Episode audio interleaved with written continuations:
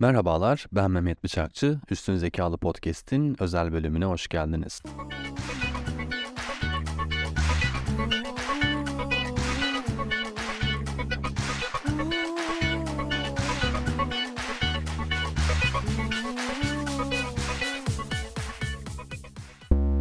Bu bölümü birinci sezonun beşinci bölümü olarak kaydediyoruz. Bugün ilk konuğumuzu ağırlamaktan dolayı oldukça heyecanlıyım. Akdeniz Üniversitesi öğretim üyesi Gökmen Özmenteş. Kendisi Güzel Sanatlar Fakültesi'nde görev yapıyor. Müziği çok kapsamlı bir şekilde incelediği araştırmaları var.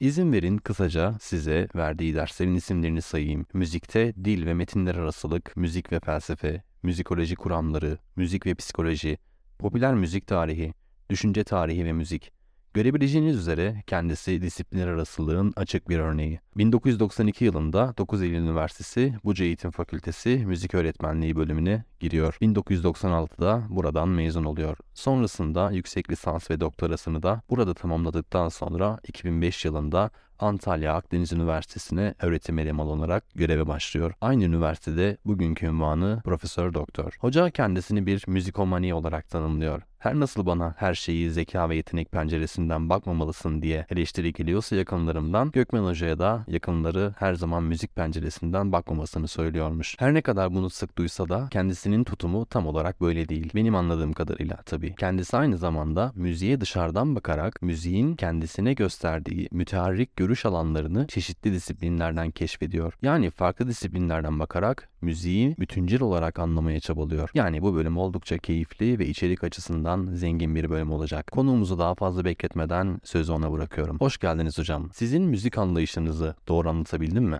Çok teşekkür ediyorum sevgili Mehmet. Dinleyenlere de çok selamlar. Böylesine kapsamlı bir meseleyi gündeme taşımak da oldukça cesaret isteyen bir şeydi. Sanırım bu da sana yakışıyor. Öncelikle kolay görünümlü zor sorular çok tehlikelidir biliyorsun. Öncelikle müziği çalışmak oldukça kendi içerisinde sıkıntılar üreten bir mesele. Doğası gereği çok karmaşık. Enrico Fobini Müzikte Estetik kitabında zaten müziği bin bir boyutlu prizma olarak görür. Neresinden bakarsan farklı bir şey görebilirsin. Kaleidoskopu çevirdikçe renkler değişir ya. Onun gibi. Ama beni güzel tanıttın dinleyenlere. En azından başlangıç için güzel bir şey oldu. Ben de kendimden ilgili bir şeyi dışarıdan duydum. Çok hoşuma gitti. Teşekkür ederim. Umarım layık olabilirim. Sorularını merakla bekliyorum. Estağfurullah hocam. Ben çok teşekkür ederim. Hocam sanırım ilk sorumu sorabilirim size.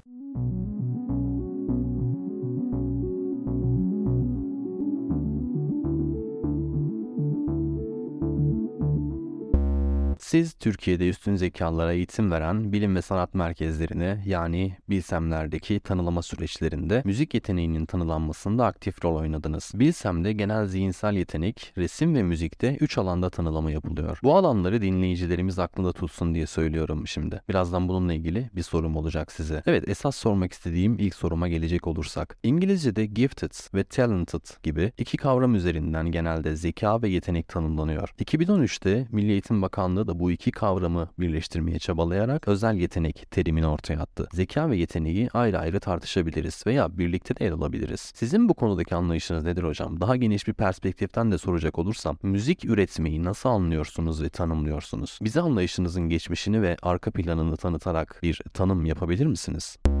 Elbette e, işte dediğim gibi kolay görünümlü ama zor sorulardan bir tanesi. Her şeyden evvel şunu söylemek gerekiyor. Dil bir defa basit bir vokabüleri meselesi değil malum. Şöyle ki bir dilin içerisinde herhangi bir kavramı ya da herhangi bir meseleyi tanımlarken kullandığınız bir kelimenin benzer ya da farklı anlamlarına da açık olmak gerekiyor. İngilizce açısından düşünürsek eğer Türkçe'de yetenek ya da istidat olarak aslında karşımıza çıkan ya da kabiliyet olarak karşımıza çıkan ama modern literatürün içerisinde Türkçenin modern kullanımı anlamında yetenek olarak sınırlandığını gördüğümüz bu kelimenin İngilizce'de çok farklı karşılıklarını görüyoruz. Yani sen az önce dedin ya hani talent. Tabi bu kelimeler arasındaki kavramsal farklılıkları bizim Türkçe'ye çevirmemiz çok kolay olmuyor. Yani günlük dilde ya da literatürde çabucak yetenek diyoruz. Hatta istidat kelimesini kullanılan kişilerin de başka bir jenerasyon insanı, daha yaşlı jenerasyon olduğunu düşünüyoruz ya da farklı bir bakış olduklarını düşünüyoruz. Örneğin İngilizce'de neler çok kullanılıyor bunlara bir bakarsak musicality de kullanılıyor mesela. Yani müzikal olabilmek kullanılıyor. Musical talent dediğin gibi Musical ability var. Bunun yanı sıra Gordon'un, Edwin Gordon'un kullanmış olduğu musical aptitude var mesela. Müzikal yatkınlık kelimesi var. Sanki bizim istidat kelimesi yakın gibi. Musical capacity yani müzikal kapasite var. Son 10-15 yılda daha fazla gördüğümüz musical potential kelimesi. Musical understanding var mesela. Müziği kavrayabilme meselesi. Yani musical perception var. Örneğin understanding meselesi ile yani understanding ile perception arasındaki farkı bilişsel psikoloji içerisinde sürmek gerekiyor. Dolayısıyla da musical perception çok daha aslında mekanik bir kavrayış gibi gözükse de understanding'in içerisinde anlamlandırma süreçlerinin de duygulanma ya da emotional ya da işte feelings dediğimiz mevzulara da işin içerisinde girmesi söz konusu olabiliyor. Senin podcast'in ana teması olarak musical intelligence kelimesini çok kuruyoruz son dönemde ve musical thinking yine görüyoruz. Yani bunların hepsi aslında birbirlerine çok yakın şekilde kullanılıyorlar. Ve aralarındaki kavramsal farklılıklar açısından bakıldığında her Türkçe'de yetenek çatısı altında birleşen bir sürü alt beceri oluşturduğunu da düşünebiliriz. Örneğin müzik konusunda yeteneği olduğunu düşündüğümüz bir kişinin bir müzikal potansiyeli olduğunu biliriz. Musical understanding de yüksektir değil mi? Musical perception da vardır. Musical abilities de yüksektir. Talent da vardır deriz. Çok İngilizce oldu ama en azından dışarıda nasıl kullanılıyor bunlar şeklinde. Yani bir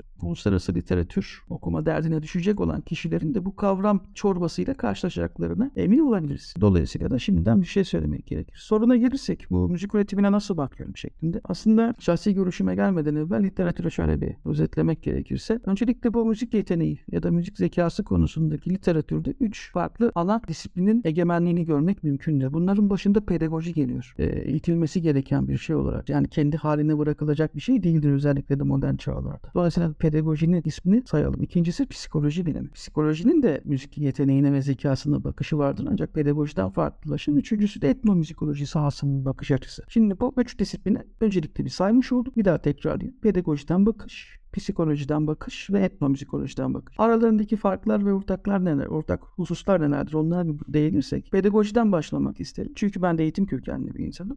Aslında çok daha ideolojik belli çizgiler ya da istendik yönde davranış değişikliği olarak tanımlanan bir eğitim meselesini burada görürüz. Pedagoji açısından müzik yeteneği geliştirilmesi gereken bir potansiyeldir. Dolayısıyla da olduğu gibi kabul edilmekten ziyade sosyal ve çevresel etkileri dolayısıyla da okulun öğretmenin müfredatın etkilerini de kabul eder değil mi? Pedagojik bakış açısından müzik yeteneği ve müzik zekası doğuştan getirilen ama çevreyle desteklenmesi gereken, çevrenin desteğiyle de gelişebilecek bir potansiyeldir. Ancak burada çevre meselesinde ne kastedilmektedir pedagojik açıdan? Buna bir sınırlılık e, getirilmiştir. O da formal çevredir. Yani okul ve e, bunun kendi içerisindeki kültürel ortamıdır. Ee, okulun yani pedagojik sistemlerin ana e, karargahı olarak okulun dışında kalan informal ortamların belki de bozucu etkisi olacaktır. Okul sistemlerinin böyle bir ahlaki paniği de vardır. Dolayısıyla da çevrenin etkileri de kontrol altına alınmalıdır. Her türlü çevrenin e, müzik yeteneğini geliştireceği düşünülmez. Kontrol altında tutulması gerekir ama bu eğitimin zaten doğal her zamanki halidir. Her şeyi kontrol etmek ister. Biraz Foucault'cu baktığımı da görebilirsiniz. Psikolojiye gelelim. Psikolojik geleneğinde aslında e, bilişsel psikolojinin çok büyük etkilerini görürsünüz ki burada Jean Piaget'in etkileri çok vardır. Özellikle de 1960'lı yıllarda özellikle de kognitif psikolojinin gelişmesi yani bilişsel psikolojinin ortaya çıkışı ve Piaget'in özellikle çocuklara odağa aldığı çalışmalarında zihinsel gelişimi arka arkaya yaşanması ve tamamlanması gereken aşamalar halinde tanımladığını biliyoruz. Sonrasında farklı yaklaşımlar da geldi biliyorsunuz. Piaget geleneği müzik yeteneğinin ve zekasının tanımlanmasında çok büyük etki gösterdi. Nasıl bir e, sonuç yarattı? Özellikle de 1960'lardan 80'lere kadar özellikle de Kuzey Amerika'da bir Piaget temelli müzik araştırmaları oldu. Buradaki esas mesele de müziğin özellikle de algılanması yani gelişimsel psikolojinin ana hususu olan hangi yaşta nasıl algılıyoruz sorusundan ziyade nasıl algılıyoruz sorusu vardı ve çok e, birey odaklıydı bu. Yani çevrenin etkileri pek dikkate alınmadı açıkçası bu çalışmalarda ki normal yani Piaget'de genel olarak gördüğümüz tutum buydu malum. Bu çalışmaların e, içerisinde e, yine Piaget'in musical conservation kavramı da çıktı burada. O da neydi? Bir müzikal kesitte meydana gelen değişikliklere rağmen aynılığın korunup korunmadığı. Yani bir müzikal kesitte bir melodi olabilir, ritmik bir övüntü olabilir. Önce kişiye veriliyor. Daha sonra bunda bir varyans e, yapılıyor, değiştiriliyor ve e, aynı mıydı, değiş, e, değişen neydi gibi. Dolayısıyla da burada bir takım aslında bellek de söz konusu farkında mıyız? Yani ilk olarak bunu biz kısa belleğimizde tutuyoruz ve bunun üzerinde meydana gelen bir e, müzikal değişime, bir varyantı olan tepkimizin ne derecede aslında tutarlı olduğu ve doğru olduğuna yönelikti. Bu musical conservation kavramının da aslında tanımı olmuştu ve bir açıdan da musical intelligence'ın da tanımı alıyordu müzik zekasının. Dikkat edilse oldukça mühendis teknik eseri, mühendislik becerisine dayalı, matematiksel ve hafızaya da dayalı bir dinleme biçimi, duygu, alımlama, bundan ya da herhangi bir yaratıcılık içermiyor. Yani tıpkı bugünkü bir makine öğrenmesi gibi diyebiliriz kabaca ne değişti? Şey dinletiyorum sonra başka bir şey ne değişti? Peki aslında ben bunun bu geleneğin arkasında ne var diye çok baktığımda ta bakıldığında şeye kadar gidiyor bu. Platoncu logosa kadar gidiyor aslında. Yani örneğin Platon yazılarında da çok görüyoruz. Yani müziğe çok önem verir ama hani müziği bir sarhoş edici ya da duyguları aşırı kışkırtıcı olarak dinletilmesinden yana değil. Logosun, aklın, mantığın, zekanın e, devrede olmadan müziğin bu şekilde kullanımına da kesinlikle karşı aslında. Dolayısıyla da Alexandra Kurzweil ismini yanlış hatırlamıyorsam Alman bir yazar var. Bizim literatürde Farli Köy'ün kavalcısı olarak geçen masalı burada bir metafor olarak kullanan bir ma- makale yazmıştır. Yani müziğin böyle etkisi var işte. Hülyaları daldırıp güzel kaval melodileriyle arkasından sürüklüyor. Müziğin böyle bir gücünün olduğunu. Ancak çocukların bu şekilde ya da biraz da popüler kültür ve popüler müzik eleştirisinde de kullanıldı. İnanılmaz şekilde insanı etkileyen ama logosu kapatan bir unsur olarak da müziğin kullanımını lanetlemişlerdi açıkçası. Dolayısıyla da psikolojik bilimin içerisinde oldukça ağırlıklı olduğunu bildiğimiz bilgisayar psikoloji müziğe e, tamamen bir zihinsel mekanizmalar üzerinden yaklaşır. Ve hatta bunun e, biraz daha aşırı pozitivistik hali olarak görüntüleme teknolojilerinin kullanıldığı nöromüzikolojinin geliştiğini görüyoruz. İşte MR teknolojileri, fMRI teknolojileri, hatta beynin hangi yarı küresi müzik yaparken, dinlerken hangi fonksiyonlara geliyor. İşte müzik ve dil ilişkisi, işte Wernicke bölgesi mi aktif oluyor işte Broca bölgesi mi oluyor? Beyinde çünkü farklı dil bölgeleri var. Dil müzik ilişkisini ilişkin hipotezler orada sınandı derken tabii Mozart etkisini burada e, gündeme getirmek gerekir. Ünlü aslında popüler kültüründe bir e, bana göre parçası olan Mozart etkisini yani Mozart dinleyen bireylerin zekalarında bir artış olduğu konusunda. Keza bu noktada makalenin yazarı Rauscher'in de sonrasında yazmış olduğu Is Mozart Effect Debunked diye bir makale vardır. Mozart etkisi patladı mı çöktü mü? Kendisini eleştirir aslında bir, bir açıdan da şunu söyler. Sanırım benden daha fazla ihtiyacı varmış kamuoyunun böyle bir Mozart etkisini şeklinde. Tabii bunun da kültürel boyutları var. İdeolojik hegemonik boyutları var yani yani onlara da e, girmek gerekir. Üçüncü boyutta etnomüzikoloji. Etnomüzikoloji açısından müzik üretimi etnomüzikoloji biliminin tanımı açısından bakıldığında karşımıza çıkan kültür üzerinde. Dolayısıyla da başta John Blacking olmak üzere birçok etnomüzikolog bize şunu söyler. Aslında müzik yeteneğinin evrensel bir tanımı yok. Olması da pek mümkün değil. Yani çok kaba bir şekilde müzik yeteneğini müzik algılama, üretme ve yapma potansiyeli olarak tanımlamak mümkün değil. Yani burada aslında esas bir sonraki soru şu var. Peki hangi müzik? Peki o müziğin e, içindeki mekanizmalar ne? Şimdi her müzik kültürü kendi içerisinde ve müzik teorisine sahiptir. Yapısal özelliklere sahiptir. Bir inşaya sahiptir. Mesela Batı müziğinde çok seslilik esas iken Afrika müziğinde ritmik duyuş esas. Örneğin Türk müziğinde e, yatay mesela yani akorların e, dikey e, yapılardan çok yani akorların dikey yapılar olduğunu düşündüğümüzde Türk müziğinde uzun ve e, bellekte uzun süre tutulması gereken bir melodik, ritmik ve makamsal yapılar söz konusudur. Dinleyenler müzik teorisine çok hakim olmayabilir. Kafalarını karıştırmaya gerek yok. Özetle söylersek farklı müzik kültürleri farklı müzikal duyuşlar ve üretim kapasiteleri gerektirir. Dolayısıyla da evrensel bir müzik yeteneği tanımında o zaman sıkıntı yaşıyoruz. Soru şu oluyor. Hangi müzik yeteneği? Daha doğrusu hangi müzik yeteneği için tanımlanabilir bir yetenek? Ama şunu da biliyoruz ki oldukça plastisite içeren de bir kabiliyettir müzik yeteneği. Yani yani müzik kulu diyebilirim kabaca. Yani bir gerçekten müzik kabiliyetine, müzik yeteneğine, müzik zekasına sahip olan biri inanılmaz bir esneklikle kısa süre içerisinde farklı müziklere de adapte olabiliyor. Dolayısıyla burada belki karşımıza daha darwinci bir tanım olarak zekanın tanımlarından biri olarak adaptasyon kavramında gündeme gelebilir. Yani bu kavramı da dışarıda tutmamamız gerekir. Ama etnomüzikolojinin bakış açısını özetlersek müzik yeteneği kavramını Avrupa merkezci müzik yeteneği tanımını bir kenara bırakarak farklı müzik kültürlerinin içerisinde tanımlanan müzik yeteneği tanımlarında kapıyı açar. Bu da dolayısıyla daha çok kültürlü ve daha demokratik bir müzik yeteneği tanımını da e, araştırmacılara sunar. İlk soruna bu şekilde yanıt vermiş olayım.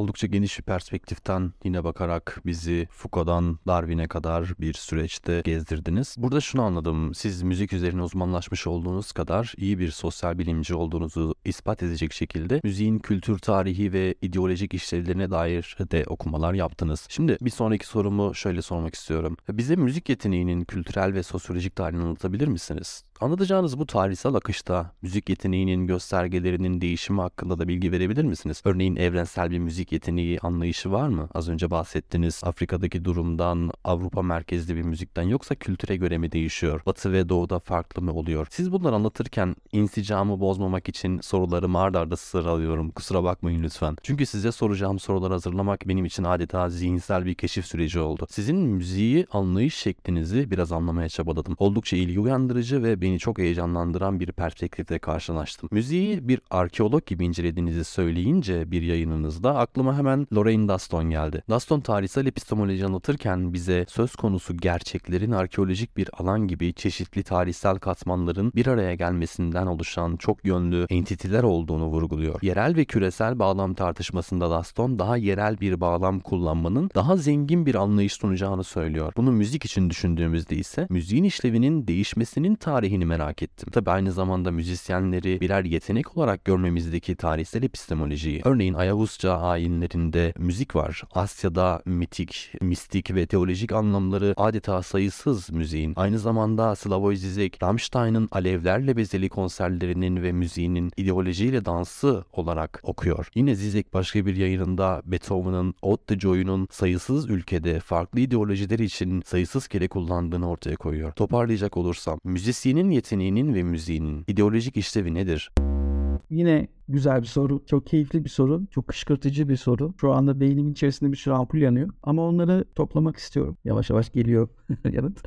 Şöyle söyleyeyim aslında az önce müzik üretmek, müzik yeteneği ve müzik zekası nedir sorusunun yanıtında üç temel disiplinden bahsetmiştim. Pedagoji, psikoloji ve etnomüzikoloji. Basit bir literatür aktarımı yapmak istemiyorum dinleyenlere ve sana. Neden? Çünkü çok kıymetlisiniz. O yüzden kendi fikirlerime yavaş yavaş gelmek istiyorum. Ben hep böyleyim zaten. Hani normalde çalışmalarda eleştirel ve refleksif çalışıyorum. Fikrimi sunmayı da o yüzden biraz hızlandırıyorum, acele ediyorum açıkçası. Size de bu noktada kıymet vermekten ötürü. Şahsi perspektifim bu konuda etnomüzikolojinin sunduğu perspektif. Az önce hatta senin de sunmuş olduğun literatürde de ifade edildiği yani bu yerellik ve evrensellik mevzuları bizim Türk modernleşmesinde de çok tartışılmış mevzulardır. Temelde de ideolojiktir biliyorsun. Sorunun üzerine gelirsek yani müziğin hatta müzik yeteneğinin ya da müzik zekasının tanımı ya da pratikleri ideolojik midir olarak algılıyorum ben bunu. Valla müzikle ilgili ideolojik ve politik olmayan hiçbir şey yok sevgili Mimi. Ben müziği tamamen ideolojik ve politik olarak okuyorum son dönemlerde. Özgeçmişin üzerinden okursa ben pedagojiyle başladım. Ondan sonra psikoloji çok ilgimi çekmeye başladı. Aa, psikoloji biliminden daha sonra gelişimsel psikoloji, Piaget dönemi. Sonra Piaget'in akabinde Lev Vygotsky geleneği. Yani çünkü Piaget'in karşısında şöyle dev gibi bir adam olarak aslında zamanda çıkmıyor işte biliyorsunuz yani bu yani komünist rejimin içerisinde var olması için Marksist düşüncelerinden ötürü Batı, Batı literatüründe çok da yüz verilmedi aslında bir, maalesef Vygotsky'ye. Ancak Vygotsky'nin fikirlerinin e, özellikle de sosyokültürel etkenlerin bireyin öğrenmesi üzerindeki etkiler açısından bakıldığında sosyokültürel öğrenme teorilerinin babası olduğu çok aşikardır. Albert Bandura başta olmak üzere birçok psikolojisti, e, psikoloğu da etkilemiştir bu manada. Benim düşüncelerim de ister istemez sosyokültürel çevre ve onunla ilgili literatüre odaklanacağım. İster istemez geldiğim kapı kapı sosyoloji oldu. Sonrasında müzik ve sosyolojiye sardım. Son 2-3 yıldan beri de aslında kültürel ve sosyolojik meselelerin dışında bir de meselenin dibindeki başka şeyleri görmeye başlıyorsun. Çünkü dediğin gibi bilginin arkeolojisini kullandıkça altında ne var, altında ne var, bunun altında ne var şeklinde bir maceranın içerisindeyiz. Ve her kapıyı çaldığında karşına aslında bir jeneolojik malzeme yani bir soy kütük. Yani bu kavramın altında ne var, onun altında ne var diye kazdıkça bir macera başlıyor. Nihayetinde geldiğim husus aslında sosyoekonomik ya da kısaca özetlersem iktisat oldu. Yani müzikle ilgili temelde ideolojik ve iktisat ifade olmayan hiçbir şeyi bulamıyor. Yani gerek tarihsel jenoloji yaptığında gerek senin günümüz müzik kültürünü anlamaya çalıştığında bu iki şeye çıkarsın. Öncelikle etnomüzikolojik perspektifin benim için çok daha geçerli olduğunu söylemiştim. Yani farklı müzik hallerin farklı müzik yeteneği tanımlarını ürettiği hususunda. Buradaki bir başka ikinci soru da şudur. Peki müzik yeteneğine sahip olan insanlar ya da bunların üstün ve cisimleşmiş hali olarak deha kavramı ve bunlara sahip olan dahiler acaba bir ideolojik kurgunun da aracı olabilirler miydi? Yani senin daha önceki podcast podcastlerinde sunmuş olduğun kahramanlık mevzusu var ya heroistik yaklaşımın da acaba örnekleri miydi? Ya da bir başka soru sorayım. Ki çağların mit, mitsel kahramanları daha sonra yerini ünlü komutanlara, savaş kahramanlarına bıraktı ve modern dünyada da Superman, Batman, Örümcek dikkat eder misiniz? burada bir üstün insan ya da bir üstün ırk ya da bir üstün medeniyet inşası için acaba bunlar birer aygıt olabilir mi sorusu var. Bakıldığında aslında Doğu kültürlerinde özellikle de bizim de içinde bulunduğumuz Akdeniz ve Orta Doğu coğrafyasında sanatsal kabiliyetlerin müzik başta olmak üzere ve bu kabiliyete üstün şekilde e, sahip olan kişilerin batıda kadar cisimleştirilmediğini, çıkarılmadığı bir tarihi görüyoruz aslında. Yani kahramanlar üzerinden değil de akımlar, düşünceler ya da eserler üzerinden. Bizde o kadar kahraman yok. Yani çok musikisinde dahiler kimlerdir sorusuna herkes çok yanıt veremiyor. İşte Itri mi acaba diyor. İşte son dönemlerde Türk müziğinin romantik döneminde Şerif Muhittin Targan mı acaba falan. Bir takım yanıtlar gelebilir. Ama Batı müzik tarihiyle ilgili bir kitabı açtığınızda elinizi sallasanız dehaya çarparsınız. Acaba daha dehası var mıydı mesela işte Kimisinin deha figürü Johann Sebastian Bach iken ki çok popüler kanonlardan biri olarak caz ve rock müziğinin de kurucusu olarak yüceltilmesi sebebiyle. Ya da Mozart gelmiş geçmiş en müzik dehası olarak neden sunulur? Deha değiller miydi? Tabii ki deha. Tartışmıyoruz. Dehanın tanımından ziyade ideolojik olarak pazarlanmasından bahsediyoruz. Ya bu niye yapılır? Esas, esas mesele benim açımdan bu. Yani bir protagonist ya da antagonist bir kahramanlar silsilesi mi var burada? Örneğin Miloš Forman'ın Amadeus filminde Mozart çok açık bir protagonist karakter. Ana karakter. Bir de Salieri karakteri var. Onu sürekli kıskanan daha düşük yetenekli bir besteci. O da bir antagonist karakter olarak sunulur orada. Yani ana kahramanı sürekli kıskanan engellemekle görevli bir kişi gibi. Yani bu kadar aslında basit bir edebiyat ve sinema öyküsü üzerinden kurgulanmış karakterleri de görüyoruz. Ama bir başka husus da şudur. Mozart'ın mesela özelinde literatürü incelediğinizde inanılmaz bir şey görürsünüz. Yani seküler bir anlatım içerisinde aktarıldığını düşünseniz bile örneğin Türkiye'deki müzik tarihi kitapları oldukça seküler bir dille yazılır. Ancak hiçbir şekilde Mozart'ın Tanrı'nın yeryüzünden göndermiş olduğu dehasını eklediği, güler yüzünü eksik etmediği hani özel bir gününü ona ayırır. Bugün de şöyle güzel bir şey yapayım diye paketleyip bize yolladığı bir gifted bir hediye olarak sunulduğunu görürsünüz. Sürekli bir tanrı sosuyla verilir Mozart bize. Dolayısıyla da bu da enteresan bir illüzyondur. Yani istediği kadar e, seküler bir anlatı içerisinde sunulmuş olsa da e, din sosyoloğu buradan dinlerse selamlar olsun. Volkan Ertet'in sekülerleşme teorisinde bahsetmiş olduğu dinimsi yapıların burada kullanıldığını görüyor. Dinimsi yapılar var. İşte bunda aslında dini yapıların yanında bir de dinimsi yapılar var. Yani siz istediğiniz kadar seküler bir anlatının içerisinde bulun ister istemez. Mesela işte Atatürk'ün bir silüetinin dağa düşmesi falan. Hani bunu bir bizim seküler cemaatin de şöyle ya da böyle bir tanrısal mucize olarak görmesi gibi ya da ateist e, Tao'nun e, takipçilerinin onu neredeyse bir kutsal peygambere dönüştürmesi gibi. Daha bunu bizim orkestra şefleri de söyler yani. Çok böyle sekülerlikleriyle bildiğimiz laikliğin büyük savunucusu olan orkestra şeflerimizin bile Graykal adını verelim kendisi söylemiştir. Yani Mozart bir zamanlar benim için baba gibiydi artık peygamber gibi demiştir. Yani dolayısıyla da belki burada bir mübalağa yapılıyor. Deha'ya yapılan bir övgü var burada. Ancak Deha'ya yapılan övgünün e, sırasında kullanılan dili analiz edersek yani bir söylem analizi açısından bakarsak dil çok önemli biliyorsunuz. Antiseküler dilin ya da teolojik bir dilin yine kullanımını görüyorsunuz. Nihayetinde dönüp dolanıp ideolojik bir yapıya geliyor. Yani çünkü teolojik düşünce de biliyorsunuz ana ve kurucu ideolojilerden biridir. Batı tarihi açısından bakıldığında. Yani sekülerleşen ve hatta giderek bilimin perspektifinden bir zeka ve yetenek tanımını görsek de Müzik bunun içerisinde aslında ister istemez bu tür tanrı sosuyla sürekli sunuluyor. Allah vergisi dediğimiz şeyi de aslında batıda da bu manada görmek gerekiyor. Keza müzik ve ideoloji meselesinin e, sevgili Mehmet zannedersem ucu bucağı yok. Yani Tarkan'ın son dönemdeki Geçecek şarkısına bakarsan bunu yine görürsün bir pasif muhalefeti yine çok açık bir şekilde görüyoruz aslında. Burada e, esas soru şudur. Apolitik karakteriyle bildiğimiz Tarkan ne ara muhalefet? Yani bunu oluşturan koşullar neydi? Dolayısıyla da benim daha önce derslerimde müzik kültür politika diye bir dersim var. Orada sunmuş olduğum bir kavramsal çerçeve vardır. Müziğin politikliği ile alakalı. İki çerçevede ele alabiliriz müziğin politikliğini. Bir doğrudan politik müzikler. Yani birileri ideoloji, işte ırk, ırkçılığa karşı, kadına şiddete karşı olabilir ya da mağdurların müzikleri olabilir. E, doğrudan politik müzikler vardır. Türkiye'de Selda Bağcan örneği ya da sol protest müzikten tutabilirsiniz bunu. Bu tür örnekler vardı ya da Cem Karaca'nın bir zamanlar yaptığı örneklerdeki gibi. Tabi bunlar doğrudan politik müziklerdir. İkincisi de politik olmayan yani non politik ya da apolitik gibi gözükserek onu oluşturan koşulların politikaya bağlı olduğu müzikler vardır. Bunların başında örnek verirsem aslında Türkiye'de arabesk gelir. Arabesk ilk bakıldığında sözel açısından bakıldığında kişisel hayal kırıklıkları aşk acıları, niye geldim ya da sınıf eşitsizliklerine yönelik şey ve hiçbir politikacının adı geçmez. Hiçbir ideolojik vurgu yoktur. Tamamen çok kişisel haykırışları görürsünüz ama nihayetinde arabeski oluşturan koşulları analiz ederseniz sosyolojik olarak terör ve göç olgularına rastlarsınız ki onlar da bal gibi ideolojik ve politik meseleler. Yani burada aslında bu kavramsal çerçeveyi bir kez daha tekrarlayayım. Doğrudan politik müzikler, ikincisi oluşturan koşullar açısından dolaylı olarak politik olan müzikler. Neresinden bakarsanız bakın bir de iktisadi koşulları işte e, bizde modernleşmenin aygıtlarından ardından ana e, ülkelerinden biri olan evrensellikle başlayıp daha sonrasında globalizasyona kadar varan bir küreselleşmenin içerisinde hegemonya, iktisadi ilişkiler açısından düşünürseniz müziği ideolojiden görmemek, okumak mümkün değil.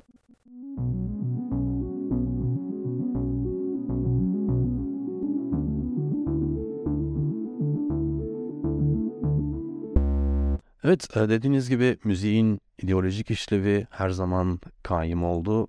Evet, e, konuyu şimdi biraz daha müzik yeteneği alanında devam eden alan bazlı, e, domain spesifik veya alan bağımsız domain general tartışmasına getirmek istiyorum. Çünkü müzik yeteneğinin genel bir yetenek olup olmadığı veya sadece sek bir müzik yeteneği olup olmadığı konusunda e, önemli bir tartışma yürüyor literatürde. Geçen bölümde trivium ve quadrivium'dan bahsetmiştim. Orada biliyorsunuz ki müzik ve aritmetik quadrivium'da sınıflı. Geçenlerde Mesut Özgen hocanın bir sohbetine katıldım. Malum ben de Hacettepe'de doktora yapıyorum. Hocayı tanıma şansına ve ona bazı sorular sorabilme fırsatına eriştim. Üniversitemiz kendisini davet edince. Şimdi bağlamı verebilmek için hocadan biraz bahsedeyim. Mesut Özgen Hacettepe'de tıp okuyor. Staj yaparken hastaneye çıkışta müzik yapmak için her daim taşıdığı gitarı ile geliyor. Daha sonra hoca bir kariyer kararı veriyor ve doktorluk kariyerini müziğe aktarıyor tıp ve müzik eğitiminin birbirine destek olduğunu söylemişti sorduğum soruda. Devam edecek olursam bu örneği genişletmeye. Nobel ödüllü teorik fizikçi Richard Feynman bongo çalıyordu bildiğiniz gibi. Bongoyu teorik fizik gibi insanüstü zihinsel eylem gerçekleştirmesine ek olarak insani olarak herkes gibi bongo çalarak bunu dengelemeye çalıştığını söyleyenlere bana hakaret ediyorsunuz diyordu. Girişte bilsemleri tanılamada genel zihinsel yetenek, resim ve müzik gibi üç alandan tanılama yapıldığını söylemiştim. Burada hemen beni sorgulamaya götüren uygulama şu oldu. En fazla iki yetenek alanından tanılama yapılabiliyor. Yani resim veya müzik, ya müzik ya genel yetenek ya da genel yetenek ve resimden aynı anda tanılanabiliyorsunuz. Tabi aynı anda tek alanda da tanılanabiliyorsunuz. Yaptığım araştırmada 343 üstün zekalı öğrencinin tanı alanlarını da sormuştum. Durumu şöyle. Bilsem'e devam eden öğrencilerin 284'ü yani %82.8'i sadece genel yetenek alanından tanılanmış. Sadece resim alanından tanılanan 7 kişi yani %2. Sadece müzik alanından tanılananlar %4. Buraya kadar tek alanlardan tanılananları saydım. Şimdi iki alandan tanılananlara bakalım. İki alandan tanılananlara bakınca genel yetenek ve resim alanında aynı anda tanılanan 13 kişi var. Yani %3.8. Genel yetenek ve müzik alanında aynı anda tanılanan 10 kişi. Ve son olarak resim ve müzik alanında aynı anda tanılanan sadece bir kişi var. %03. Burada gördüğüm patern şu oldu. Resim ve müzik alanında tanılanan sadece bir kişi vardı. 343 kişi arasında. Fakat genel yetenek ve müzik alanında tanılanan 10 kişi. Genel yetenek ve resim alanında tanılanan 13 kişi vardı. İstatistiklere girmeden bakınca gördüğüm şu oldu işte. Genel yetenek ve sanatsal yeteneğin kombinlenmesi durumu. Sanatsal yeteneklerin tek tek tanılanmasından ve sanatsal iki yeteneğin aynı anda tanılanmasından daha yüksek orana sahip. Mesut Özgen'i ve Richard Feynman'ı düşününce, bu araştırmadaki yüzde bulgularımı da düşününce hemen literatürde ara sıra gördüğüm bir tartışmayı sorayım dedim size. Bunu İlber Ortaylı Fazıl Say hakkında da demişti. Müzisyen olduğu için aritmetiği iyi anlar demişti. Ben de Mesut Hoca'yı bulmuşken sormuştum. Müzisyen olmanızda sayısal kabiliyetlerinizin rolü oldu mu diye. Yoksa tam tersi mi? İkisi birbirine yabancı değil demişti. Evet biliyorum burada bir nedensellik kuramayız. Hangisi daha önce gelir diye tartışmak zaman alır. Fakat özet olarak benim sorum şu olacak size. Genel bir müzik yeteneği var mı? Yani domain general bir yetenek mi yoksa müzik ayrı bir yetenek mi? Yani domain spesifik mi? Bizim alanın aslında tartışması gereken soruları sen soruyorsun şu anda. Müzikçiler genelde bunları konuşmaz. Müzikçinin derdi müzik yapmaktır. Müzik hakikaten bir praksistir. İşi gücü müzisyenin müzikle ilgili sorunları halletmek. Bunu gayet doğal buluyorum. Ancak biraz dışarıdan bakma gayretini gösterdiğinde senin sor, soruna aslında çok kompleks bir yanıt vermek gerekir diye düşünüyorum. Çok karmaşık bir sistemle karşı karşıyayız aslında. Dediğin gibi burada çok stabil modeller üretmek ne kadar imkansızsa bağlantısızlık üretmek de çok zordur. Yani bir kişiye sadece müzik yeteneğin var dolayısıyla müzisyensin buyur. Sen sadece konservatuar okuyacaksın demek de büyük bir potansiyelin engellenmesi mi acaba? Bunu aslında müzisyenlerin genel becerilerini hem müzik tarihinden, doğudan batıdan ya da kendi yaşamımızdan baktığımızda bir şekilde sistematik ya da ansistematik bulgular ışığında biraz değerlendirebiliriz. Mozart örneğin çok hızlı dil öğrenen biriymiş ayrıca. Babasıyla birlikte yapmış olduğu saray gezilerinde konserler vesilesiyle e, oraya buraya götürülüyor. Eğitimi de devam ediyor gittikleri bazı saraylarda saray eşrafının çocuklarıyla birlikte eğitim alıyor. Onlara göre çok daha hızlı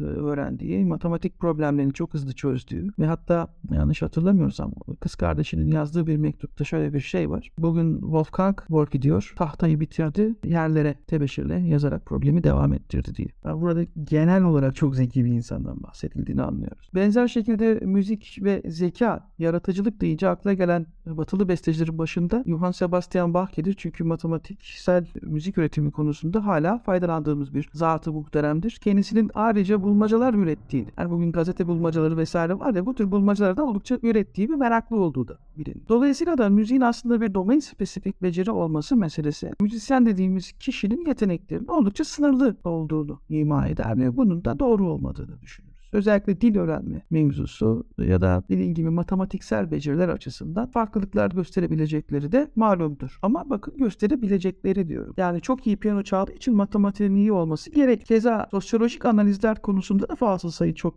yetersiz olduğunu düşünüyorum açıkçası. Yani dolayısıyla da burada hani karşıma biraz da Howard Gardner'ın çoklu zeka teorisine acaba değinsek mi gibi de geldi bana. İşte bu multiple intelligence meselesi keza o da çoklu zeka mı, çoklu eğilimler, çoklu yatkınlıklar demek mi? O konudaki intelligence kavramını da e, doğru algıladığımızı düşünmüyorum genel olarak. Çünkü buradaki intelligence galiba biraz da haber almayla alakalı. Yani çoklu farkındalıkları olan insanlardır. Ama bu general ability içerisinde düşünülebilir aslında müzik. Etrafıma baktığımda müziğin yani müzik yeteneğine sahip olduğu düşünülen ancak sadece müzikle sınırlanan insanların varlığının da bir kültürel sınırlılık olduğunu düşünüyorum açıkçası. Mesela konservatuar mevzusu çok eski bir kurumdur. Avrupa tarzı bir kurumdur. Çok domain spesifik bir eğitim verir ve genel olarak bir entelektüel eğitiminden ziyade bir skill ya da talent education üzerine gider. Ve hatta bir atletik beceri gibi hani çalgıda ustalaşma, virtüözleşme kavramı üzerinde gelişir. Çünkü iş üzerinden gelinmesi gereken virtüöziteye dayalı bir repertuar mirası bu kişiye maalesef bırakılmıştır. Onun halletmesi gereken şey o ağır repertuar mirasının üzerinden gelebilmek. Dolayısıyla bu da çok daha fazla bir bedensel çaba ve incelikler gerektiren virtüözite kavramının gelişmesiyle ilgili. Örneğin bu virtüöz kavramının kendisi bile aslında özel ve ayırt edici bir husustur. Yani çalgıda ileri derecede beceriler elde etmek ve hatta çalgı çalan kişiler arasından seçkinleşme mevzusu. Dolayısıyla elit bir çalgı becerisinden bahsediliyor. Virtüözleri incelediğimizde onların da batı müzik tarihi üzerinde deha sınıfının bir yan şubesi olarak açıldığını görüyoruz. Çünkü esas dehalar yaratıcılık üzerinden. Ona değinmedik az önceki sorularında. Örneğin Mozart'ın dehalarını nasıl sınırlayabiliriz? Nasıl tanımlayabiliriz? Örneğin müzik yeteneği tanımında, batı kökenli tanımında müziksel işitme diyebileceğimiz. Bu işitme duyarlılığı inanılmaz derecede bir alan, yüzdelik dilim içerisinde tanımlamada büyük bir alana sahip olur. Peki bu nereden kaynaklı?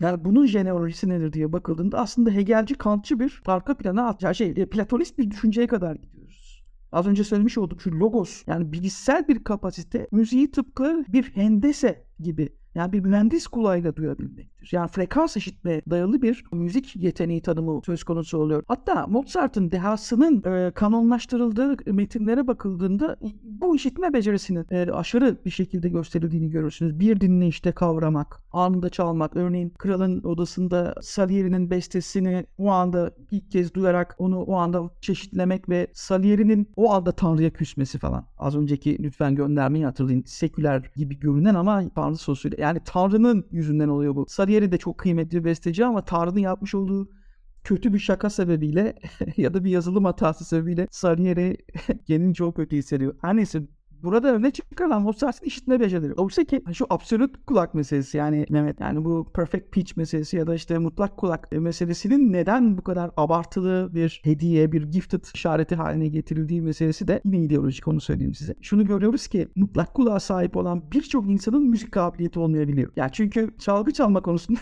çok iyi olmayabiliyor. Onun dışında ritmik becerileri zayıf olabiliyor. Yani mükemmel pitch duyabiliyor. Yani bütün sesleri duyabiliyor. La referansı almadan bütün sesleri duyabiliyor ama ritmik de tekrar yok. Hafıza zayıf ve bana sorarsan hocam dersen Mozart'ın en büyük öne çıkan şeyi neydi? Yaratıcılık da elbet. Yani bir müzikal kompozisyon üretebildikleri için biz bugün o adamları tanıyoruz. Anlatabiliyor muyum? Herhangi bir eser geriye bırakmasalardı biz nasıl hatırlayacaktık? Tarihte acaba kaç tane kayda geçmemiş Absolute Pitch var ya da işte Perfect Pitch kulağa sahip insan var. Mutlak kulağa sahip insan var. Her birinin ismini cismini kaydettik?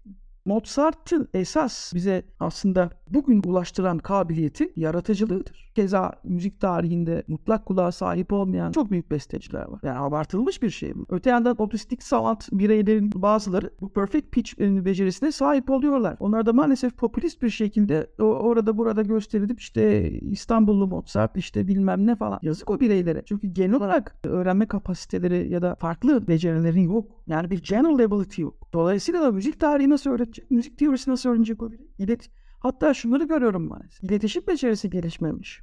Otistik savant birey babası konuşuyor onun adına. Ama o çocuğun çok iyi kulağı var. Onu yüksek lisans yaptıralım falan. Tezi nasıl yazdıracağız? Yani bu bireylere bir şey yapmak istiyorsanız lütfen yol bu değil. Ya buna da müzik terapisti değil, müzik tedavisi de değil, müzik eğitimi de değil. Peki bir şey sorayım. Otistik savant ve inanılmaz bir mutlak kulak becerisi olan bir bireyi vay be inanılmaz dedik. Hadi sahiplenelim. Çünkü bizde hani şu dedeye sahip çıkalım mevzusu gibi müthiş bir anaç kültür var. Gerçekten sahip çıkalım. Bir değer tamam farklı bir değer bu. Ender bulunan bir şey değerli midir her zaman? Tabii o da ayrı bir tartışmadır. Tamam sahip çıkalım. Peki yerleştirdiğimiz konservatuvarda ya da o müzik eğitimi kurumunda özel eğitim uzmanı var mı? Müzik eğitiminde özel eğitim nasıl yapılır? Çocuğa nasıl yaklaşacağım? Ne vereceğim? Bireyselleştirilmiş eğitim programı uygulayan yeterli e, eğitimci var mı?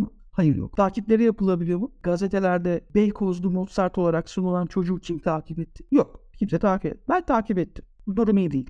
Hatta şahsen gözlemlerimi söyleyeyim size. Giderek kötüleşebiliyorlar. Çünkü bu insanlar nihayetinde tıbbi bir sıkıntı yaşıyorlar. Onlara müzik eğitimi değil, tıbbi destek çok daha önemlidir. Müzik eğitimi yardımcı olabilir. Ama sadece müzik verelim, sadece piyano çalsın dedikleri için temel iletişim becerilerinde çok geriye gitmiş bireyler gördüm. Şöyle ki bir yetenek sınavında jüriyken böyle bir birey geldi. Çocuk iyi durumdaydı. İletişim beceri açısından en azından konuşuyordu. Orada 3 yıl 4 yıl okuduktan sonra bir üniversite sınavında tekrar yani bir giriş yetenek sınavında özel yetenek sınavında yine jüriyken gördüm. Çocuk yeniye gitmişti. Çocuk ismini bile söyleyemez hale gelmişti ve ayrıca perfect pitch becerisi bile gerilemiş. Hiçbir şekilde bir mutlak kulak becerisi kalmamıştı geriye. Hatta biz e, la referans sesinden sonra e, daha basit sorular la sesinin yanındaki si ve sol seslerini sorduğumuzda dahi yanıt alamamıştı. Oysa ki mutlak kulak becerisi olan biri la sesine ihtiyaç duyuyor. Ama bakıyoruz bu çocuk yine etrafında Tanrı'nın bir mucizesi vesaire falan. Yani bu tür popülizmlerde maalesef bu bireyleri istismar ediyor. Yani bu da son derece sıkıntılı bir mesele diye düşünüyorum. Genel yani yetenek ve resim ve müzik olarak ayrılması tamamen kurumsal bir ayrım diye düşünüyorum. Gerçekte böyle bir ayrımın olmadığını zaten tarihe bakınca görürsünüz. Çünkü bir Rönesans insanı tipini görürseniz aslında ayrım ne kadar doğrudur. Keza epigenetik faktörler açısından bakarsan Mehmet, yani başta tanımlanmış yeteneklerin belli bir süre sonra kültürel ve sosyal olumlu çevrenin etkisiyle neye dönüştüğünü düşeceğini de bilemez. Başta resimden girmiştir. Müzik patlar. Belli olmaz o. Örneğin ben ilkokulda çok güzel resim yaparak bilinen biriydim. Yani müzikle ilgili bilmiyorum yani hiç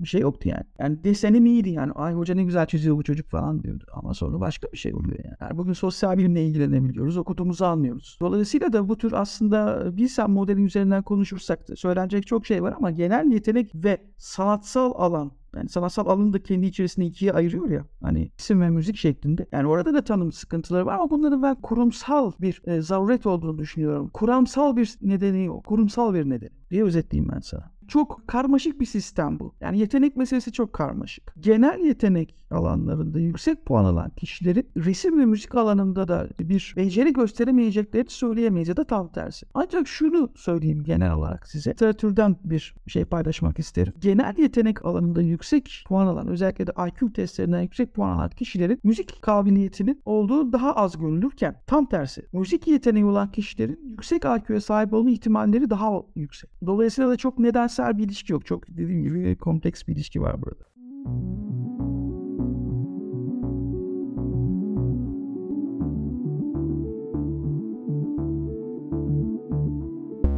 Burada yakaladığım nokta şu oldu. Yaratıcılığa ve bu olağanüstüleştirmeye değindiniz bu soruyu cevaplarken. Dehalarda olduğu gibi, üstün zekalarda olduğu gibi olağanüstü eserler koyan müzisyenlerde de bir olağanüstüleştirme veya karanlık bir güçten, bir tanrısal güçten gelen yaratıcılık algısı var. Siz peki müzik yeteneğiyle psikososyal özelliklerin arasındaki ilişkiyi nasıl okuyorsunuz?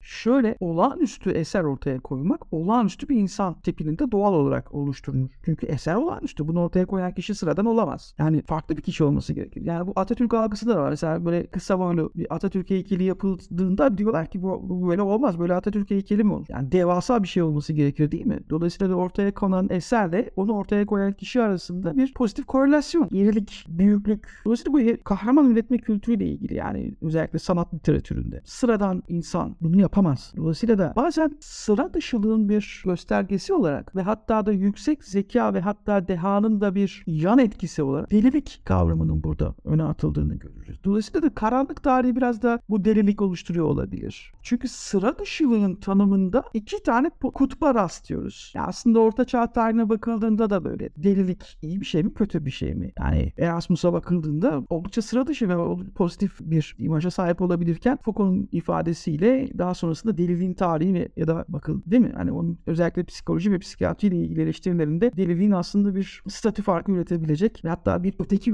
üretebilmenin de bir aygıtı haline geldiğini görüyorsun. Ve de sanatçının deliliği açısından bakıldığında pozitif bir imaja dönüştüğünü görüyorsunuz. Ve oldukça da kullanışlı bir şey bu. Neden? E çünkü özellikle de sanatsal yaratım süreci oldukça kendi içerisinde bir doğum sancısı ile eşleştirilir. Hatta Beethoven'ın ünlü bir filmi var. Beethoven orada bir üretim krizi yaşadığını görüyoruz. Çok olmuyor, pencereleri kırıyor, sandalye atıyor falan böyle. Ama diğer taraftan Mozart'ın dehasının çok daha farklı çizildiğini görürsünüz. Keza popüler kültürde de Batı müzik tarihinde de Mozart'la Beethoven arasındaki temel farklı bu şekilde ortaya konur. Mozart çok kolay eser yazar. Yani gündelik hayatında çok kolay üretir. Normal gündelik hayatın içerisinde kafasında müziği besteler. Berber koltuğunda vesaire bilardo oynarken Sonra onu oturur bir şekilde yazar. Dolayısıyla da üretim açısından Mozart'ın sahip olmuş olduğu bu kabiliyet keza bunu aslında sonrasında 1980'ler ve 90'lardan sonra sert regülasyon kavramı olarak da görürüz. Öz düzenleme becerileri. Mozart'ın buna çok yüksek derecede sahip olduğunu bize düşündürtür. Dehanın tanımlarından bir tanesi eğer müzikte dehanın göstergelerinden bir tanesi yaratıcılıksa bunun altında yine bilişsel bir fonksiyon olarak self regülasyonu yattığından ben eminim. Yaratma kavramının aslında bir kavramsal alt bileşenlerini oluşturursa psikoloji bilimi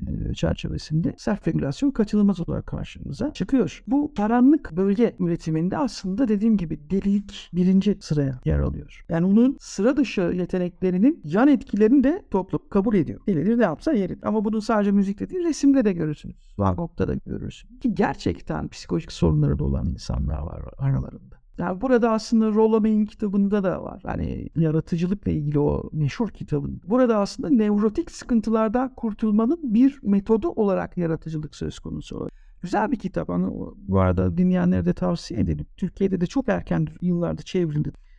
Rollo May İnsanlar bir şekilde nevrotik ataklarından kimisi bir şey yaratarak, kimisi spor yaparak, kimisi belki başka aygıtlarla kurtuluyor. Bu karanlık bölgenin ilk aygıtlarından bir tanesi, sığınma noktalarından bir tanesi derinlik iken bir tanesi de aslında kültürel olarak ya da ideolojik olarak zaman içerisinde yaratılan yarı kutsal, mitsel deha kavramıdır. Yani orada da aslında hani az önce söylediğim gibi tanrısal bir yaratıya, yaratılışa doğru bir atıfta bulunulur. Orası da biraz karanlık bir bölgedir. Yani Tanrı onu bize neredeyse bir seküler peygamber olarak hani kendi buyruklarını sanat üzerinden neredeyse bize gönderen bir peygambermişçesine algılayacağımız bir anlatılar zincirinin de inşa edildiğini görüyorsunuz ki bu çoğunlukla Avrupa merkezci müzik tarihi yazımının içerisinde görülüyor. Aslında bunlar biraz da üstün ırk, üstün medeniyet yaratımı açısından da oryantalist taktikler olarak da görüldü. Yani Edward Said bu kadar net ifade etmemişti ama Karl Nakışlar kitabında Adorno ile tartışırken biraz da böyle puçları sanki vermişti ama biz bundan daha kolay şu anda fikir üretebiliyoruz. Edward Said nihayetinde orada yaşıyordu. Belki o kadar da oryantalizm eleştirisi kendisi yapamıyordu ama biz burada en azından hani post yapısalcı bir alan içerisinde olduğum için bunu yapabiliyorum. Gerçekten de bakıldığında batıda yazılmış yine batı müzik tarihi kitaplarında besteciler bir üstün ırkın, bir üstün medeniyet kahramanıdır. Black people göremezsiniz yani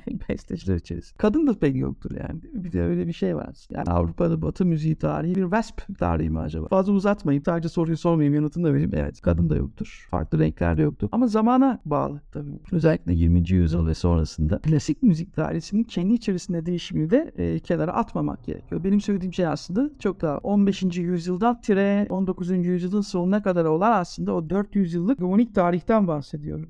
Ve hatta bu kanonlar hala devam ediyor. Yani o kara, karanlık bölgeden faydalanmak hala söz konusu.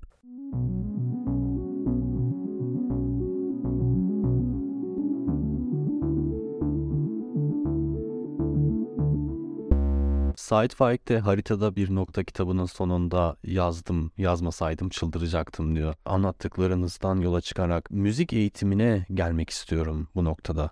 Şöyle bir soru geldi Twitter'dan. Murat Acar kendisi de bir müzisyen. Birçok önemli sanatçıyla çalışarak onlara altyapılar hazırladı. Tam da bu dediğiniz konuda bir soru yöneltti. Dedi ki otistik savantlarda veya savant sendromuna sahip olan bireylerdeki bu absolut kulaklık ve duyduğunu anında tekrar çalabilme, böyle bir ezberleme ve yorumlama nasıl anlaşılabilir diye sordu. Literatürde de Leslie Lemke diye bir vaka var. E, savant sendromludur ve görme engellidir ve ilk kez duyduğu müziği milisaniye farkla tekrardan çalabiliyor. Fakat herhangi bir yaratıcı ürün ortaya koymadığı için bu bir müzik yeteneği değildir diye bir tartışma ortaya çıkıyor. Ben de müzikle ilgilendim. Piyanoyu denedim olmadı. Self figürasyonum yoktu sanırım. Gitar denedim olmadı. Bateri denedim. Evet bateride biraz öğrendim diyebilirim. Bateriyle ilgili çalışırken Doğaç Titiz'e rastladım. Onun bir röportajında şey dediğini hatırlıyorum. Ben günde 8 saat pad çalışıyorum. Televizyon izlerken, otururken, oturup çalışıyorum demişti. Literatürü okuduğumda da The Beatles'ın bir biyografisi var. Onların hikayesi oldukça ilginç. Malcolm Gladwell de sanırım orayı işaret etmişti. Grup ilk zamanlarında Hamburg'a birkaç defa geliyorlar ve her gelişlerinde saatlerce çalıyorlar. Bir haftanın 7 günü 5 saat günde çalıyorlar ve çaldıkça uzmanlaşıyorlar. Uzun süreli pratikleri sayesinde artık daha uzmanlığa doğru ilerliyorlar. Literatürde de Erikson'un 10.000 saat kuralı var. 10.000 saat harcarsan bir işte o işte uzmanlaşabilirsin diyor. Ve bunu yaparken de accurate practice ve deliberate practice ayrımını ortaya atıyor. Ve Whiplash'i çok severim. Defalarca izlemişimdir. Her iki aktörün bakış açısından. Orada şu soruyu soruyor J.K. Simmons. Parents musician, ailende müzisyen var mı? Bunun altında yatan sorma sebebini düşündüğümde ise bu eğitimin çocukluktan itibaren geldiğinde daha ilerleyebileceğini mi acaba soruyor. Ne kadar çok pratik yaptın demeye çalışıyor. Sonrasında üstün zekalar alanında sıkça konuşuruz. Kitaplarda Türkiye'nin üstün zekalar eğitim alanı tartışılırken her zaman İdil Biret ve Sunakan'dan bahsedilir. 5245 sayılı Harika Çocuklar Yasası. Harika Çocuklar Yasası'nın ilk versiyonunda tam olarak şöyle. İsme yasa çıkıyor. İdil Biret ve Sunakan'ın yabancı memleketlere müzik tahsiline gönderilmesine dair kanun diye. Bundan bahsedilir. Güzel sanatlarda fevkalade istidat gösteren çocukların devlet tarafından yetiştirilmesi hakkında yasa çıkıyor iki kişi adına. Yani yaratıcılık ve pratik yapmayı toparlayacak olursam son sorum iki katmanlı bir soru hocam. Birincisi aykırı diyebileceğimiz yetenekler var. Örneğin mutlak kulaklar, savant becerileri ve müzik kulağına sahip olmak gibi örnekler var. Bir de Beatles gibi, Doğaçlitiz gibi uzun süreli deliberate practice yapanlar var. E, bir de öte yandan olağanüstü yeteneklere özgü çıkarılan yasalarla ve eğitimle geliştirilen yetenekler var. Bir yanda su akar yolunu bulur, eğitmemize gerek yok, varsa vardır, kendiliğinden gelişen yetenekler varken bir yandan da eğitimle gelişebileceğini söyleyenler var. Yani alaylılar ve mektepliler var. Hep bir ikilik var yani. Siz bu ikiliklere bakınca müzik eğitimini nasıl anlıyorsunuz? Müzik yeteneği varsa var mıdır, yoksa yok mudur? Geliştirilebilir mi, geliştirilemez mi? Ne düşünüyorsunuz? yaratıcılığın gizemli, büyülü ve hatta herkese nasip olmadığı için acaba seçilmiş bir kişi mi alalım? Seçilmiş kişi biti. Bu noktada çok önemli. Bu otistik savant bireylerin hani o karanlık tarihe dahil edilebilmesi gereken kişiler olarak istismar edildiğini görüyorum. Oysa ki böyle bir şey yok. Onlar bildiğin tıbben yardıma muhtaç kişiler.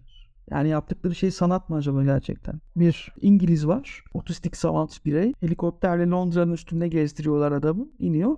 Londra'yı çiziyor adam. Şimdi bu adam ressam mı, printer mı? Yani ressam bu mu acaba mesela? Picasso'ya bakıldığında o kadar büyük bir desen yok yani eserinde. Yani anlatabiliyor muyum? Bu noktada sanatın ne olduğunu bilmeden üstünde sanat alanında deha tanımını yaptığınızda yani sanat bir mimesis mi, taklit mi? Doğada olanı olduğu gibi çizmek çok naturalistik ya da çok natürmort tarzı şeyler sanat kabul ediliyor mu artık? Ya da bugün sosyal medyada çok gördüğümüz böyle birebir göz çizen sanatçılar var ya birebir göz çiziyor. Şimdi bunun resim kabul etmeyen sizin görüş de var. Eğer o resimse Van Gogh'un yaptığı ne? Ya da Picasso'nun yaptığı resim miydi acaba? Dolayısıyla da sanat ne? Sorusundaki akımlara, dönemlere, bakış açılarına göre müthiş bir karmaşa var karşımızda. Ha bir de dehanın sanat içerisindeki tanımını yaptığımızda anlatabiliyor muyum? İşler iyice karışıyor. Ama bu noktada gördüğüm bir şey var. Nihayetinde bir özet olarak geçmek istersen bunları belirleyen şey yine hegemonya, tahakküm, ideoloji ve iktisadi meseleler oluyor. Oradan bakarsanız aslında daha net şeyler görebilirsiniz diye düşünüyorum.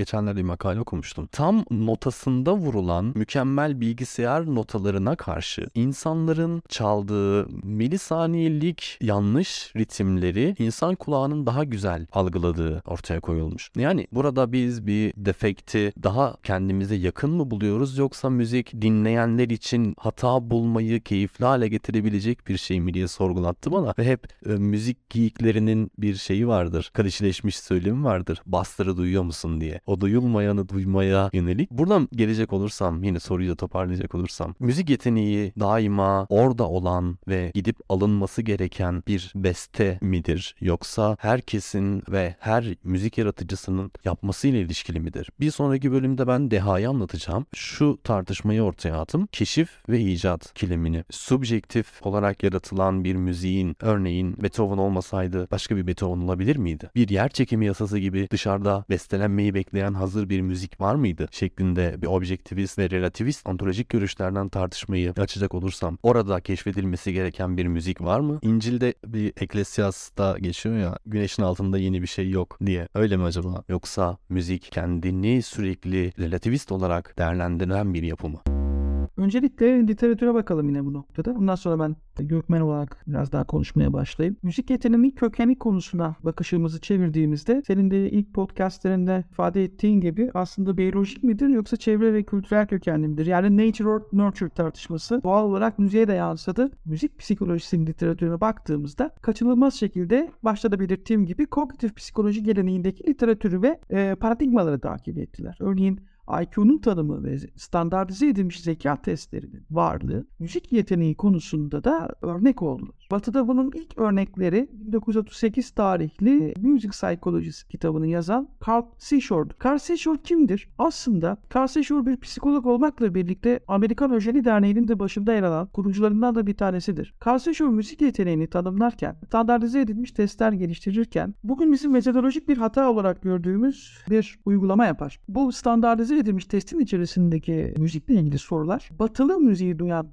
insanların aşina oldukları soruları içeriyordu. Dolayısıyla da bu müzik türüne aşina olan insanlar testlerden yüksek puan aldılar. Diğer ırklara sahip insanlara göre. Carl Seashore daha 1930'lu yıllarda yine batılı ve beyaz insanın müzik konusundaki üstünlüğü içinde argümanlar toplamış oldu bu noktada. Ve bunlar da müzik psikolojisinin öjenik temelleri şeklinde bir makaleye konu olabilir. Tabii ben de anakronik hatalar yapmaktan hoşlanmıyorum. Ama şu anda elimizde bir kanıt yok. Yani gerçekten metodolojik bir hata mıydı yoksa kasten mi yapıldı? Yani bir araştırmacı yetersizliği miydi yoksa kasten yapılmış bir üstün medeniyet inşası için bir kötü niyet miydi? Bunu bilemiyoruz. Elimizde bulgu yok. Ama yine de bugünden olaya bu bulguya şüpheyle bakmakta bizim hakkımız. Keza Carl Seashore'un ve onun öğrencisi Edwin Gordon ki bu iki isim aslında müzik yeteneğinin kalıtsal olduğunu, biyolojik olarak aktarıldığını savunurlar. Normal çünkü antropolojik gelenekten geliyorlar kendileri ve özellikle de ırkçılığa su taşıyan öjenik faaliyetleri de ortadadır. Keza kültürel evrimci isimlerdir onlar. Yani kültürel görecilik falan orada çalışmaz. Yani az önce etnomüzikolojinin bize sunmuş olduğu farklı kültürlerin farklı müzikal tanımları, eylemleri, pratikleri, teorileri vardır. Dolayısıyla müzik yeteneği tanımı kültüre göre değişir ifadesini kabul etmezler. Çünkü üstün bir medeniyet vardır. Dolayısıyla da müzik oradadır. Dolayısıyla da yetenek tanımı da buna göre yapılır. Hegelci ve Kantçı bir hendesen yani ya da Platoncu bir logosçu analize doğru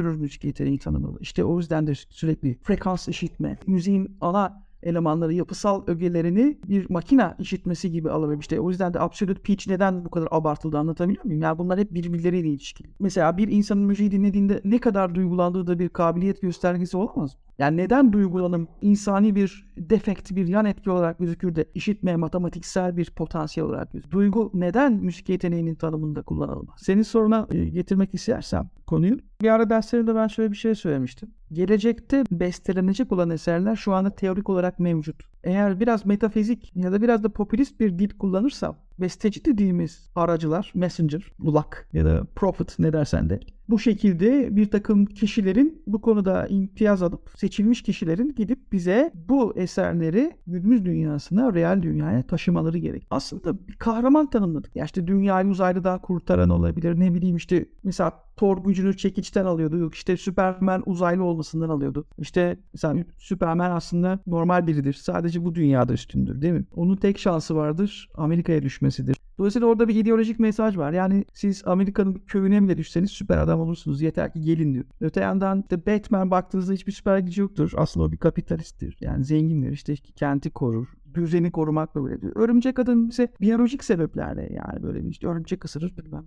Yani sürekli olarak farklı kökenlerden bir süper kahraman icadı söz konusu oluyor. Başa başta vermiş olduğum yanıttaki gibi evet aslında bestelenecek olan eserler şu anda teorik olarak mevcut. Ama bu çok matematiksel bir yanıt. Bunu üniversite sınav sorusu için de söylenebilir. Sorulacak olan üniversite soruları şu anda teorik olarak mevcut. Neden? Topu topu 7 tane nota var. Ne kadar varyant edilebilir, ne kadar possibility üretebilir gibi bir şey de sorabiliriz.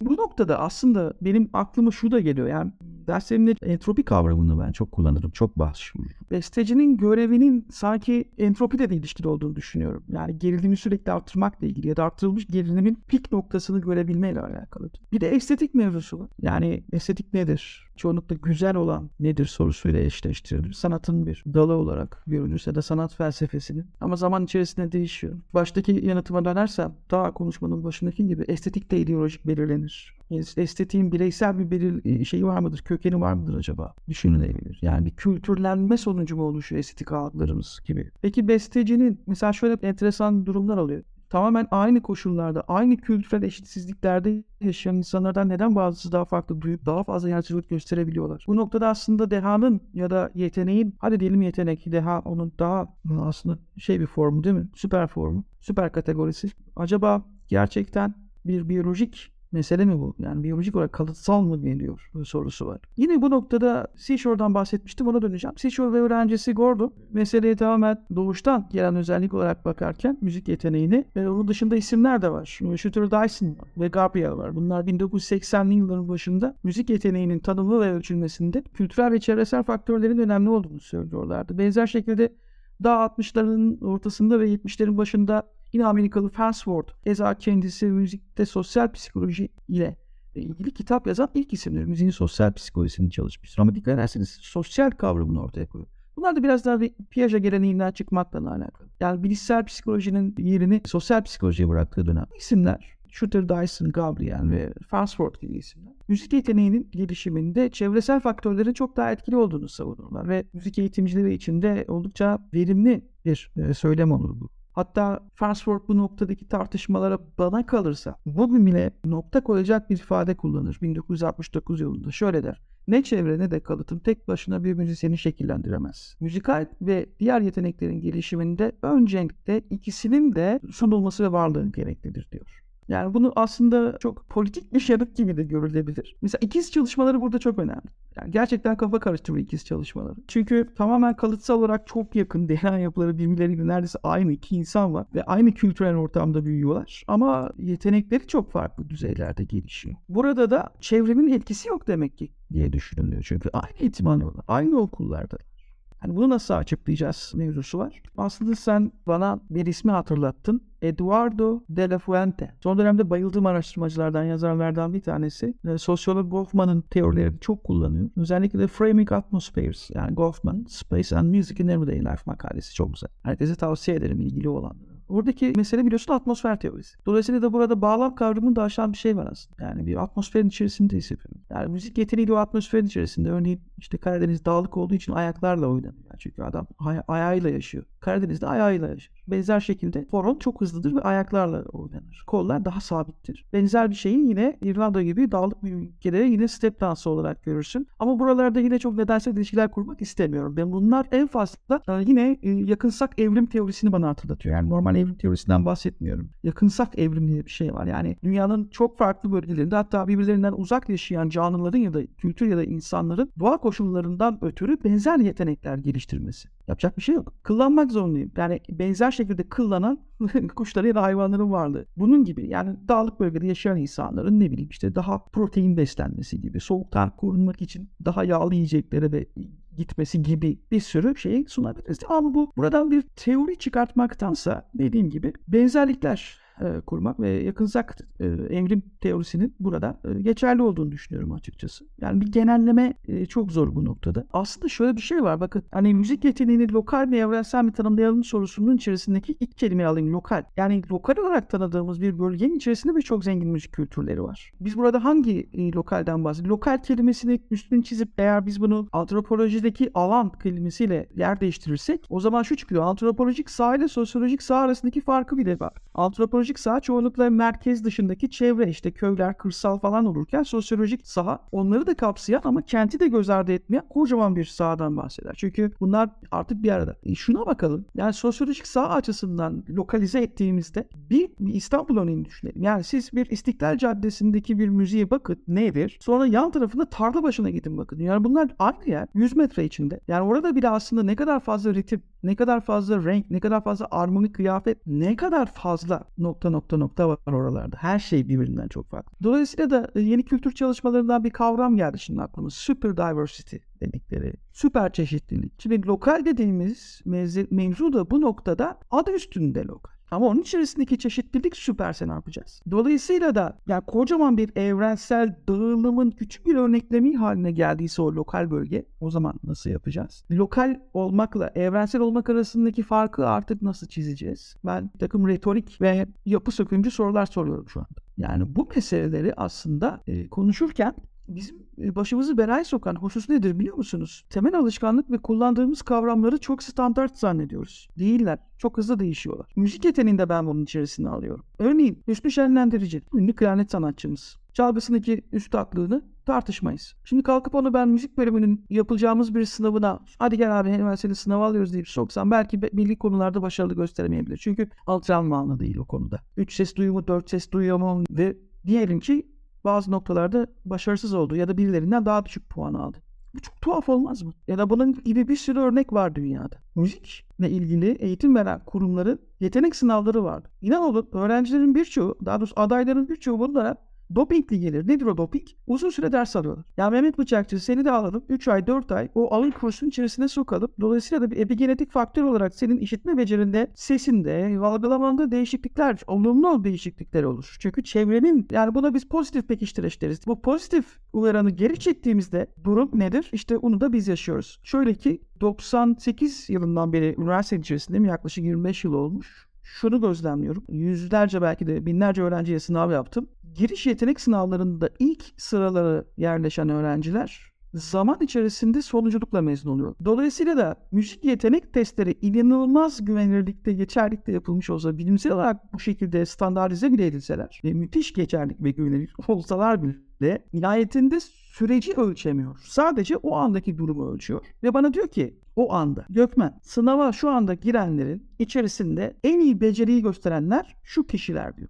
Aslında bu bir yetenek sınavı değil. Yetenek uzun soluklu, longitudinal, boylamsal bakılması gereken bir hadiseyken biz bir anlık perspektife bakıyoruz. Ama biz ne bileyim bir MR'a bakıp gibi bir doktor gibi karar veremiyoruz sürecini bakmamız. E süreçte gördüğümüz de o. Yani ilk 3 sırayı işgal eden öğrenciler yine ilk 3 sırada mezun olmuyorlar başarı olarak. Dolayısıyla da hep şunu söylerim öğrencilerime aslında bu bir yetenek sınavından ziyade bir beceri sınavı ayrıca. Senin göstergelerinin o anda nasıl becerildiğine yönelik saptamalara ait. Yani o sınavı kazanamayanlar yeteneksiz değil. Bir de böyle bir şey var. Yani yetenekler ve yeteneksizler şeklinde bir sınıfsallık da üret. Onu da söylemek gerekiyor. O an için daha iyi beceri gösteriyorlar. Tabii heyecan faktörü var, psikolojik faktörler var. Mesela Antalya gibi bir yerde ben sınav yapıyorum 45 derecede. Yani ben klimalı odamda sınav yapıyorum. Efendim dışarıda bekliyor öğrenci, aday. 5 saat bek. Bir insanın 5 saat Antalya'da 45 derecede tutarsak insanlığından çıkıyor zaten. Yani bırak yetenek sınavı. Yani biz de dolayısıyla da onları daha serin bir yere alıp hani olabildiğince bütün adayları eşit yani ölçme hatasına sebep olabilecek bütün şaşırtıcı değişkenleri sıfırlamaya gayret ediyoruz ama bu işin bir de ölçme konusu var. Yani müzik yeteneği ölçülür mü ölçülebilir ama müzik yeteneği, pardon müzik eğitimi açısından ben son sözlerimi söylemek isterim. Özetlemek gerekirse müzik eğitimi, müzik zekası ve müzik yeteneği kavramına aslında sınav sistemi açısından bakıldığında bir yerleştirme ve tanılama düzeyinde yaklaşır ve geliştirilebilir olduğunu düşün. Ve belirli müfredatlarla bunların uygulamalarla ilerletilmesi için mücadele eder. Epigenetik faktörler üretmeye, olumlu manada dikkat eder. Ancak yani son 10 yıldan beri eleştirel pedagoji çalıştığım için de bunları ayrıca füze atmak isterim. Zannedersem şu anda konumuz o değil. Yani müzik eğitimine eleştirel nasıl yaklaşılabilir sorusu bu herhalde başka bir e, oturumun konusu olur. Ama yine de orada öyle bir pencereyi açmış. Bunu idealize etmiyorum.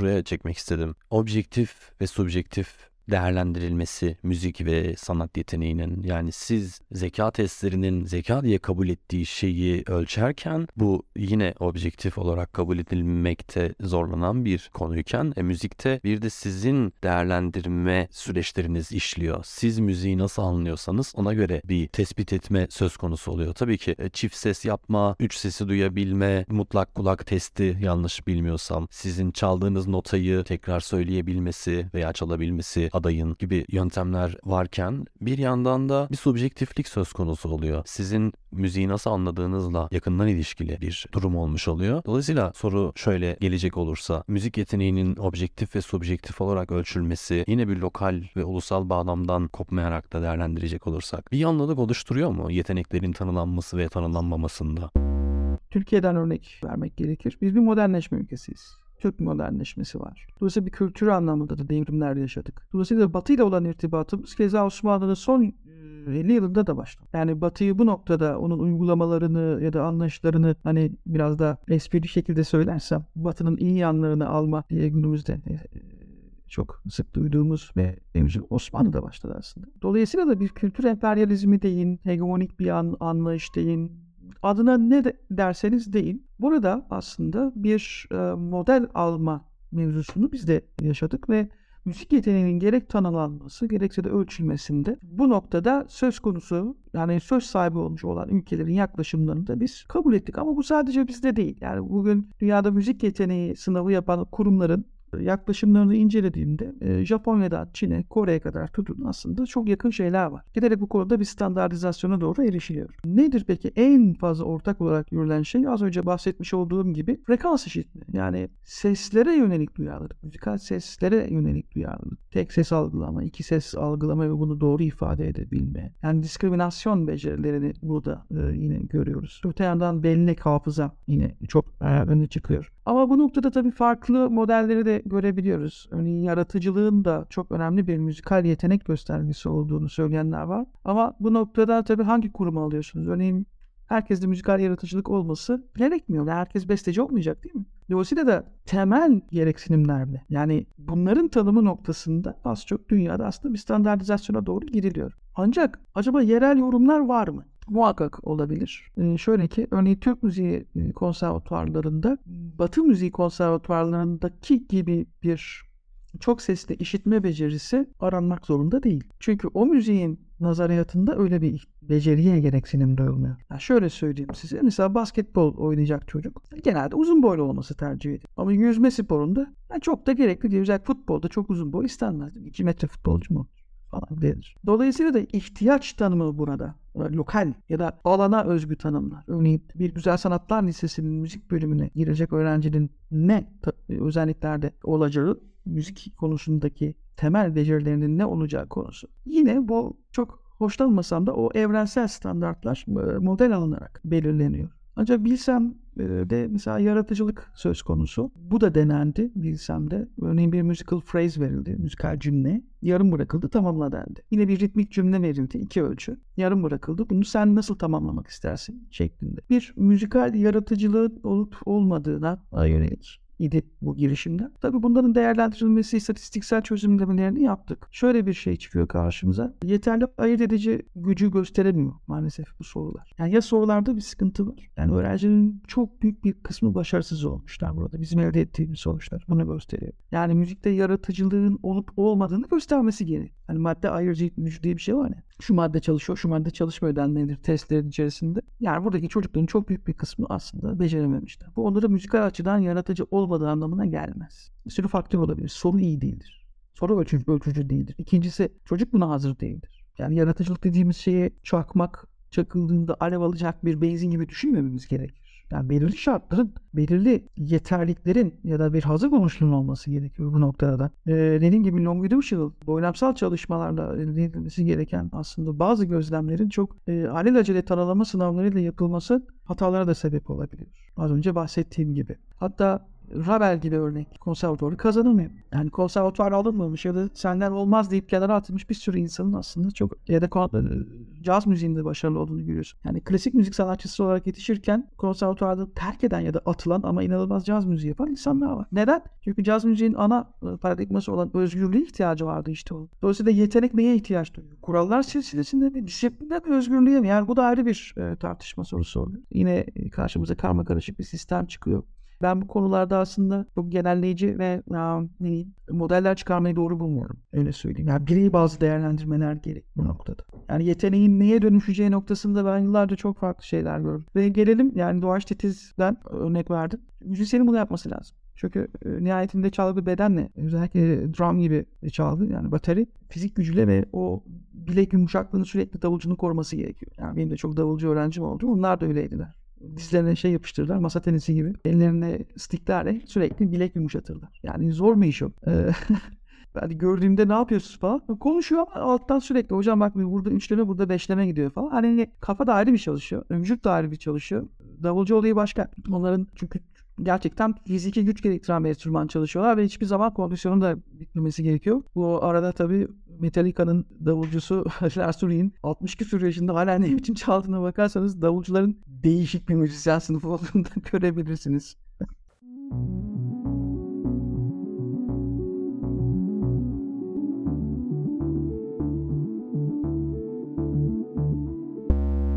Hocam benim sormak istediğim çok şey var daha. Dilerseniz sizden başka bir yayın için söz alayım.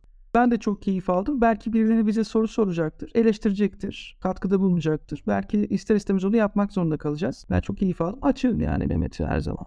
Evet hocam çok teşekkür ederim. Söylemek istediğiniz, eklemek istediklerinizi paylaşabilir misiniz bizimle? Şimdilik bu kadar olsun sevgili Mehmet. Ee, Çünkü birçok konuya girdik. Konu kendiliğinden çok çeşitlenmeye açık olduğu için uzar daha. Umarım başka oturumlarda daha derinleşiriz. Şimdilik söyleyeceklerim bu kadar. Çok teşekkür ederim hocam. Dinleyicilerimiz sizi nereden takip edebilirler? Size nasıl ulaşabilir? Twitter'da ismini Gökmen Özmenteş hesabından bulabilirler.